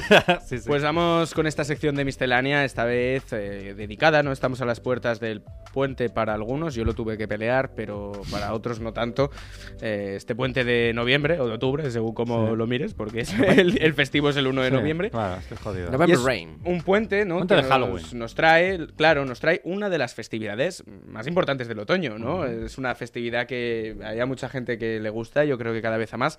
Y además es una festividad que le gusta mucho a los niños. Evidentemente estoy hablando de, De la todos los castañada. santos, Hombre, súbelo, súbelo. Castañas, la castañera, Para todos mis oyentes, espectadores galaicos y de otras partes de Cataluña, sé que no... Eh, perdona, Galaicos y otras partes de Cataluña. Y otras partes de España, quería decir. Del. Estado español. Del Estado español. Eh, que no sé si conocéis muy bien esto, pero antes me has dicho que hay algo como muy parecido y no me Sí, acuerdo el nombre. Magosto. El Magosto. Pues básicamente es una fiesta en la que se celebra la llegada del otoño y se comen castañas, y se come boniato y además eh, hay como toda una serie... Aquí hay una cosa muy típica en Cataluña que son los panayets, que son unos dulces que se hacen con mazapán y cada uno lleva cosas diferentes. Hay de coco, de piñón. Luego hay un personaje mítico también, que es la castañera, que es como una señora entrañable que vive en la montaña y entonces Ah, sí. baja para repartir Uy, qué turbio, castañas. qué turbio. Y que le dais de palos y luego caga por el culo castañas, ¿no? Curiosamente, creo que esta es la única tradición catalana en la que no damos de palos a alguien. Ah, vale, o nos dan a nosotros. Sí, también. Hay de las dos. Habéis fallado ahí, ¿eh? Habéis Es- flojeado. esa es Sí. antes, en octubre a finales, no, esa se fue a principios. Pues bueno, la, la, la castañada, como pasará con el magosto. Magosto, este, magosto está mal hecho, porque es- tendría que ser manoviembre, ¿no? Hostia, te puedes creer que no había. O matubre. Es- Matubre. Matubre. Que matubre, hostia, Es que fatal, magosto, matubre. Agosto, joder, agosto queda lejos, aunque no lo parezca por la calor que mete. Magosto se da mucho también en Cataluña, en Cataluña en las raves, eh, M con agosto. ¿no? Faltaban chistes de drogas hoy, Sí, eh, sí, perdona. sí, estamos flojos en eso. Mamayo. Mamayo. Mamayo, sí, sí. Bueno, yo me, me voy. Pues como pasará con el magosto, me imagino que la castañada es una... Y ahora con, con- con esta cara de fascista que tengo, está mal que lo diga, pero es una fiesta que se está perdiendo. Oh, se está perdiendo. Como los toros, niño, claro, como los toros que se están están- perdiendo. Mira, mira, Mara Punta y el Marrameu, que no sé Y el qué es. marrameu, luego haré un apunte sobre el marrameu. El marrameu es un gato que acompaña a la vieja y es el que hace las Ah, castañas eso- en el fuego. Ah, por lo de Marramamiao, ¿no? A lo mejor Sí, tiene un poco, claro, sí. Claro. La cuestión es, ¿qué pasa? Halloween es una fiesta que lo peta, que cada vez más gente la celebra y estas fiestas locales así más tradicionales se están perdiendo. Entonces yo lo que hoy he propuesto en las dos partes de esta sección de miscelánea, lo primero, voy a hacer un eslogan para, Uy, uy, qué bueno. para llamar un poco a la gente, como un anuncio de televisión, para llamar un poco a la gente a disfrutar de la castañada. Vosotros que ahora estáis en Cataluña, pues no os disfracéis de vampiro cuando llegue este 31 Me cago en la y poneros a Yo lo tenía comprado, joder. Yo el de fantasma. Bueno, no tienes que ponerte también- nada. No hace falta que te pongas nada, yo. El chiste ya lo hice yo. Te voy a pedir un primer plano y vamos a hacer un eslogan eh, patrocinado por la Generalitat de Cataluña Oh, sí. para llamar a la gente a esta fiesta. Oh my god. ¿Por qué disfrazarte de Spider-Man y pedir caramelos por el barrio? Cómete un boniato asado en las rodillas de tu abuela, disfrazado de un lunes por la tarde. ¿Regaliz? ¿Chocolate? ¿Querrás decir panayets? Únete a esta actividad familiar que junta los ingredientes favoritos de los niños. Harina y frutos secos. Con suerte te llevarás el moco que ha pegado el niño más sucio de toda la escuela, también conocido como el panayet premium. Idealizar a los vampiros o a los zombies o a los fantasmas, nada de eso. Nuestra mascota es una puta vieja que vive en el monte con un gato tuerto.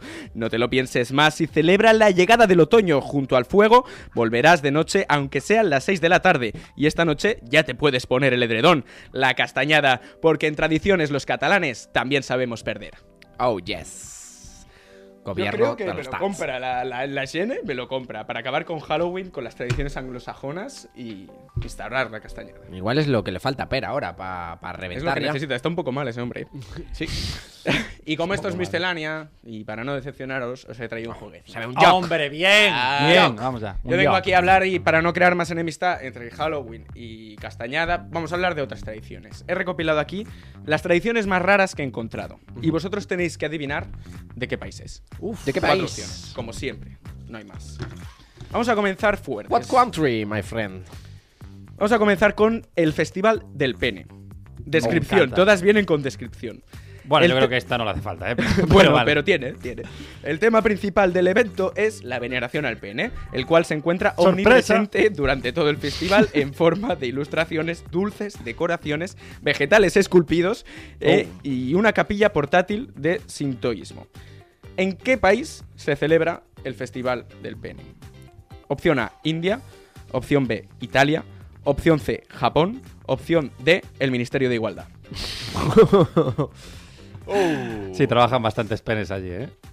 No, pero. ¿Qué? Hombre, Bueno. meo, porque es un chiste, coño. El. Sí, el-. Hashtag Eh, yo tengo clara mi opción. Venga, va, vamos rápido. Vamos rápido. Eh. Tan rápido como tú en la moto del Telepi o podemos bajar una marcha. Como yo en la furgoneta. Yo creo que, mira, como el Rishi este tiene cara que le ha metido unos cuantos penes por el culo, voy a ir con India, ¿eh? ¿Vale? Yo, debido a la cultura un tanto pedófila, voy a ir con Japón. Y el ganador es. ¡Lucas! ¡Es el. Japón! Pero que, ¿cómo? los japoneses, de verdad. Los japoneses celebran el pene. De verdad, ¿qué falta les hará, tío? Da ahí la bandera, meu. Vamos con la siguiente, que es otro festival. En este caso se llama el Festival de los Monos. Ojo, en esta festividad anual se alimentan con más de 3.000 kilos de frutas y verduras a varios monos. ¿En qué país se celebra esto? Opción A, Senegal. Opción B, Tailandia. Opción C, Perú. Opción D, la sede de UGT. Esos monos acaban gorilas, también te digo, ¿eh? Porque después de tanta, tanta caña, pero bueno. Yo voy a decir eh, Tailandia, tío. Por el monito de Resaco en Las Vegas, básicamente. Es, Eh, Senegal, Tailandia, Tanzania, ¿no? Eh, no, Senegal, Tailandia, Perú. Perú. Eh, La sede buah, no, UGT. sé, no sé si en Perú hay, hay, hay monos. Eh, voy a decir Senegal. Y esta respuesta genera un empate para Yago, es en Tailandia. Vamos ahí, hostia. Oh. El monito de Resaco en Las Vegas, ahí, joder, qué bien me vino, ¿eh? Sí, señor. Hay muchos Esta monos allí. no tiene un nombre como tal, pero mm, eh, os la voy a definir. Cuando una persona de la tribu muere, su cuerpo es quemado. El polvo de hueso y ceniza se mezcla en una sopa de plátano que beberán los asistentes. Sopa de plátano, qué concreto todo, tío. Esta es una tradición que se celebra en Etiopía, Brasil, Corea o el piso de estudiantes del Becas. Hostia, tío, ojalá fuera esa, tío. Yo esta me la sé. ¿Haceme la C? O no. O no se la sé. No sé, yo creo que es la B, ¿eh? ¿No la ve? La- o no la ve. No la ve tan... Yo la veo clara, ¿eh? Pero yo la veo que es la de la A. Ah, ah. Por aquí Etiopía, por Sí. aquí Brasil. La B de... ¿Es B Brasil? B Brasil. B Brasil. Está cantado. Sí, sí. Etiopía. Etiopía. Y me jode decir que Yago ha ganado otra vez. Así es. Madre Tenemos mía. un 2-1, ¿eh? Sí, sí. Oh my god. Vale, esta tradición tiene como titular eh, Sin baño tras casarse. es tradición que los recién casados no utilicen el baño durante los tres días y noches siguientes al matrimonio en uno de estos Bueno, y mucha gente no lo hará, aunque no se lo proponga, así que... Es para agilizar el divorcio ya. Claro, ya para... Para que no se te alargue la Claro. Para que cojas asco No, si, rápidamente. si no lo aguantas, eh, pues divórciate. Claro. Exacto. Esto se celebra en la isla Borneo, en la isla de Pascua, en las Islas Canarias o en el Expo Manga. El Expo Manga, wow. Hostia, es verdad, tío. Los otakus. Que tienen fama de... sí. Tienen, tienen famita. Mala fama esa, porque no, no todos, ¿eh? Pero bueno, yo conozco otakus que no. Como tu pareja. es que. Claro, claro. hostia, que- La que fue a Ourense, ¿no? esa, esa, sí. Eh, ¿Cuáles son las respuestas, compañero? que me estoy poniendo. Isla Borneo. Isla de Borneo, no sé cómo se dice, Isla de Pascua, Islas Canarias o el Expo Manga. Eh, yo digo Borneo. Hijo de puta, es la que iba a decir yo. Es que en las Islas Canarias, tío... Bueno, no creo, se habría comentado antes. Yo... Las Islas de Pascua, dijiste. Sí, Isla de Pascua. Venga, vamos con la Pascua a tope. Isla de Pascua, Borneo, y esto generará un empate. ¿Es la de Borneo? isla de Borneo. No sé si es Borneo o de Borneo. Y Que va conste de que va a puta- decir la misma, esto es me un va de puta madre este empate porque es, Es la última, Es de la puta última. madre, Sí, sí, genial. No, no, no, ni- No ni estaba preparado, ¿eh? No estaba preparado, Te lo juro que no. no. Este tiene como titular Ah. Baño pegajoso para ellas. Dila ahora. Perdón, Ah, Álvaro. pero perdón. estáis- No, te tocaba a ti la B. Ah, mierda. Vale. Este se llama Baño pegajoso para ellas, el titular. Las novias se bañan en té, huevos, natillas y demás productos alimenticios pegajosos. Ojo, se las pasea por el pueblo para que una vez sometidas a tan embarazoso momento, entren en el matrimonio preparadas para hacer frente a cualquier contrariedad. Hostia. Wow. Qué turbio esto, ¿eh? Esta tradición tan turbia es propia de Irlanda, Gales, Escocia o el parking del Apolo. Qué asco. Vale, yo me la voy a jugar con, con mi paisito. ¿Te la vas a jugar? Con Ireland. Que es un poco guarros, en verdad, allí. Hombre, me, me cuadraría, ¿eh? Irlanda, es que son todos, son todos chungos. ¿Irlanda qué más? Irlanda, Gales, Escocia o el parking del Apolo. Yo, Irlanda o Escocia estaría. Yo dije Irlanda, ¿eh? Claro, cabrón, es que yo diría Irlanda. Al final dices la A, hijo de puta, lo que yo te dije. Ah. Yo voy a ir con. con. uf, Escocia, venga. Y el resultado final ganador de esta ronda y con mejor programa es Yago porque es Escocia. ¡Sorpresa! ¡Sorpresa! Tirame un pinchaste, tirame un pinchaste. Oh my god. Lucas, me temo que. ¡Pinchaste! No tenéis que decirlo porque lo pregrabamos. ¿eh? Ya, pero Pinchaste, pinchaste. pero pinchaste tú. Sí que pinché, Ah, sí que pinché. Pues sí, una pinchada más Ah. como mi vida preca- de, pre- pre- de precariedad. Como, como tu dislexia, ¿sí? como mi dislexia. O como también este programa, que, que es un poco pinchada tras pinchada. Pero bueno, bueno, pero menos pinchada cada programa. Vamos a mejor, ¿eh? También hay y que si hace stop, eh, si hace pam, no hay stop. no. Buah, ya, cierra, cierra. Cierra, cierra. Apaga, luces y nos vamos. Nos vamos. Muchas gracias por venir aquí. Seguimos en contenido, Contenido solo para premium. los podcasters, el premium. Sobre todo el recordar darle a. No, no os suscribáis en Twitch porque no os- nos van No a chapar puede. el canal de Twitch después del programa de hoy. La pero audiencia. suscribiros en YouTube y seguirnos por la calle. Sí, eso sobre todo. Y si tal en Instagram también, así estáis al tanto de todo. Exacto. Y nada, ahora atención, porque se viene una sección musical a cargo de Cúbito. Vamos a hablar de Josh Rouse, así que quien quiera, bienvenido. Muy Pero bien. esto ya mañana. Eso es. Nos vemos, chicos y chicas. Gracias por estar ahí. Y Gora la clase obrera. Let's go. Un besito. Una aperta.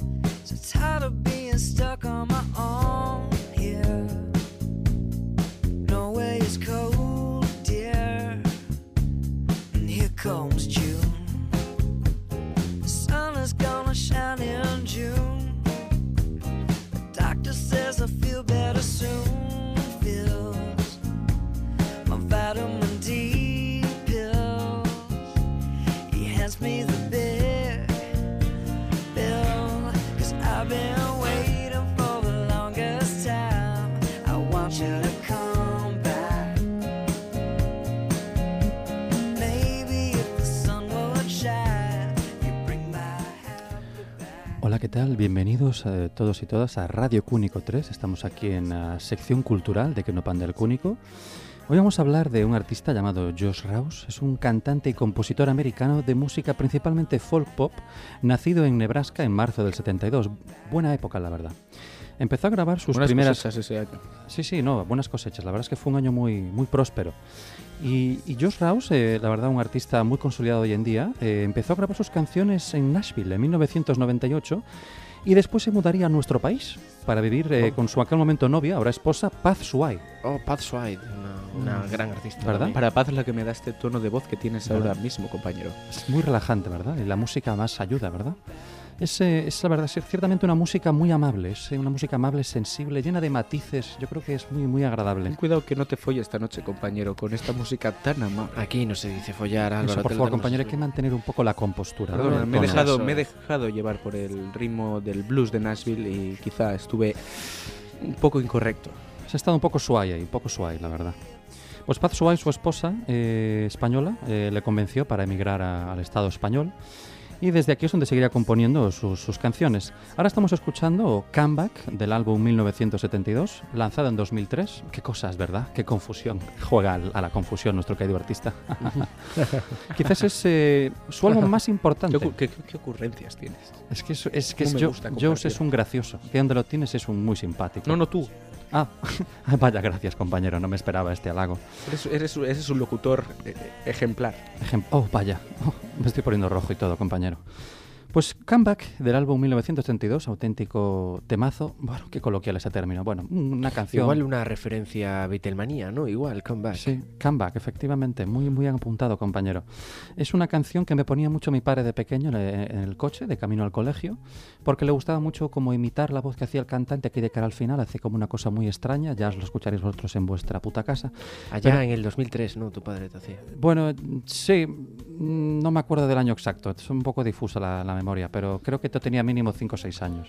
Igual bajo una lluvia en octubre de camino del- al colegio escuchando. ¿no? Sí, sí, sí, era en Galicia, llovía a No, saco, sí, eso este, está clarísimo. no hace falta que sea octubre, si era Galicia podía ser Podía mayo. ser cualquier época del año. Pero por favor, no, no digas a saco, es también bastante Un suave. término bastante suave, ¿verdad? A bocajarro. A bocajarro. Vaya. Llovía a bocajarro. Me voy a bocajarro, me, me parece más adecuado. Bueno, recuperemos el, el- el hilo del programa que me pongo nervioso, por favor. Eh, Comeback eh, es un- una canción, pues ya te digo, muy, muy de hoy en día. Yo creo que le podría valer a un oyente diario de todo tipo de música. Es una canción muy amable, muy di- divertida. Y ya te digo, es un álbum que quizás es el mejor álbum, el álbum más famoso. Es una maravilla de principio a fin, donde se combinan diferentes temáticas y estados de ánimo. Ahora vamos allá con otra canción que me gusta mucho, que se llama Valencia. Por favor, eh, ponla, compañero. Igual donde residía dentro del Estado español. Efectivamente, Valencia es de álbum El Turista. Es una canción lanzada en el año 2009, cuando ya nuestro, nuestro querido George Rouse pues ya se había aclimatado, ¿verdad?, al, al Estado español, a Valencia, a sus, a sus playas. Y de A hecho, en su esta- agua. A su agua. Y de, de- hecho, aquí A su vemos un- cocaína. Bueno, no quería hacer referencia a esto porque es un poco fuera de tono, pero sí podría ser que, que coquetease un poco con sustancias. Pero simplemente para experimentar un lado más artístico Ah, las- y más las- musical, no con Las drogas siempre lúdica. ofrecieron grandes Bueno, digamos- a los músicos. No, no tenemos por qué esconderlo. Sí, no, no es, no es ningún secreto que en Valencia pues hay cocaína a palas, pero... Y naranjas. Pero yo creo que es eh, más un... Fascistas. Fijaros, fijaros, por favor, sube el volumen, por, por favor, eh, con el compañero.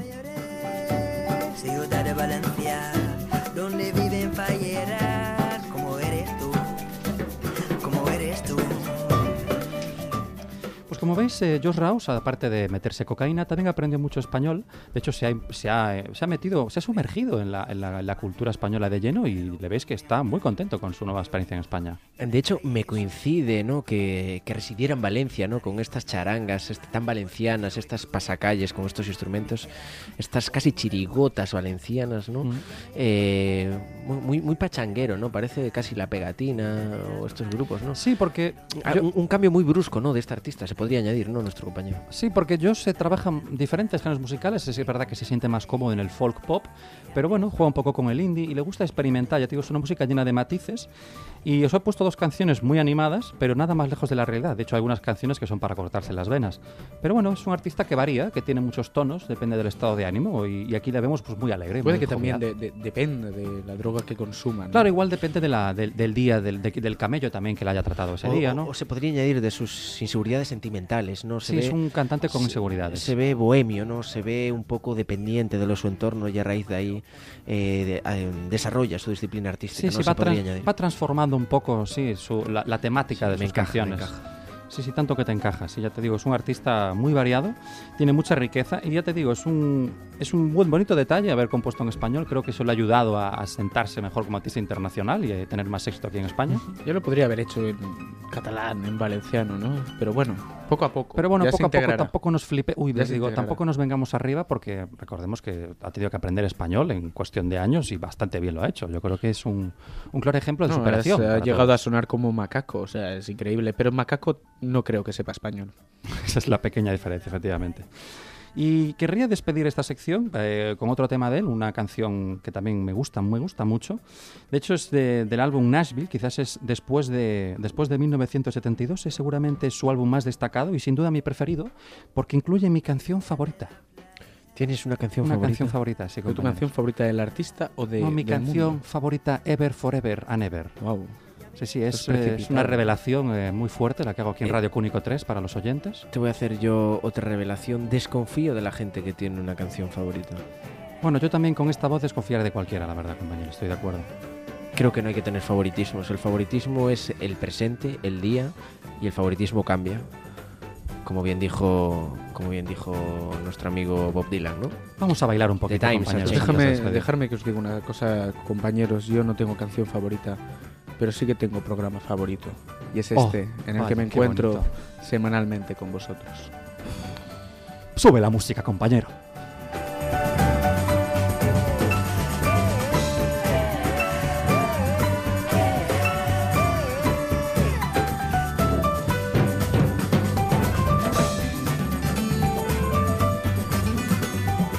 Podríamos dejarlo aquí, ¿verdad? Pero mancharía nuestra esencia, que es cagarla en el programa. Entonces, ¿por qué- Defecarla, por favor. Defecarla, perdón. Sí. Sí. Entonces, quedaba demasiado bonito. Entonces vamos a meter otra canción para joderlo un poquito y mancharlo. Vamos a dejarlos, vamos a dejar a nuestros eh, eh, oyentes con un- una canción del álbum Nashville, como os he comentado, muy animadita. No os acostumbréis porque la mayoría de las canciones de este artista son bastante deprimentes, pero esta es muy, muy motivante. Se llama Why Don't You Tell Me What? Y así son amigos. Nos dejamos con esta maravilla y hasta la semana que viene, compañeros. Muchas gracias, un saludo y... nada. Gracias, un placer como siempre compartir estos espacios de radio, de programa a vuestro lado y espero que la semana que viene volver a poder repetir este momento. Un saludo, gente. Un os saludo a queremos. Alejandro, por cierto, y ahí nos vamos. Allá donde estés. Poco pesado con Alejandro, este chico. un saludo.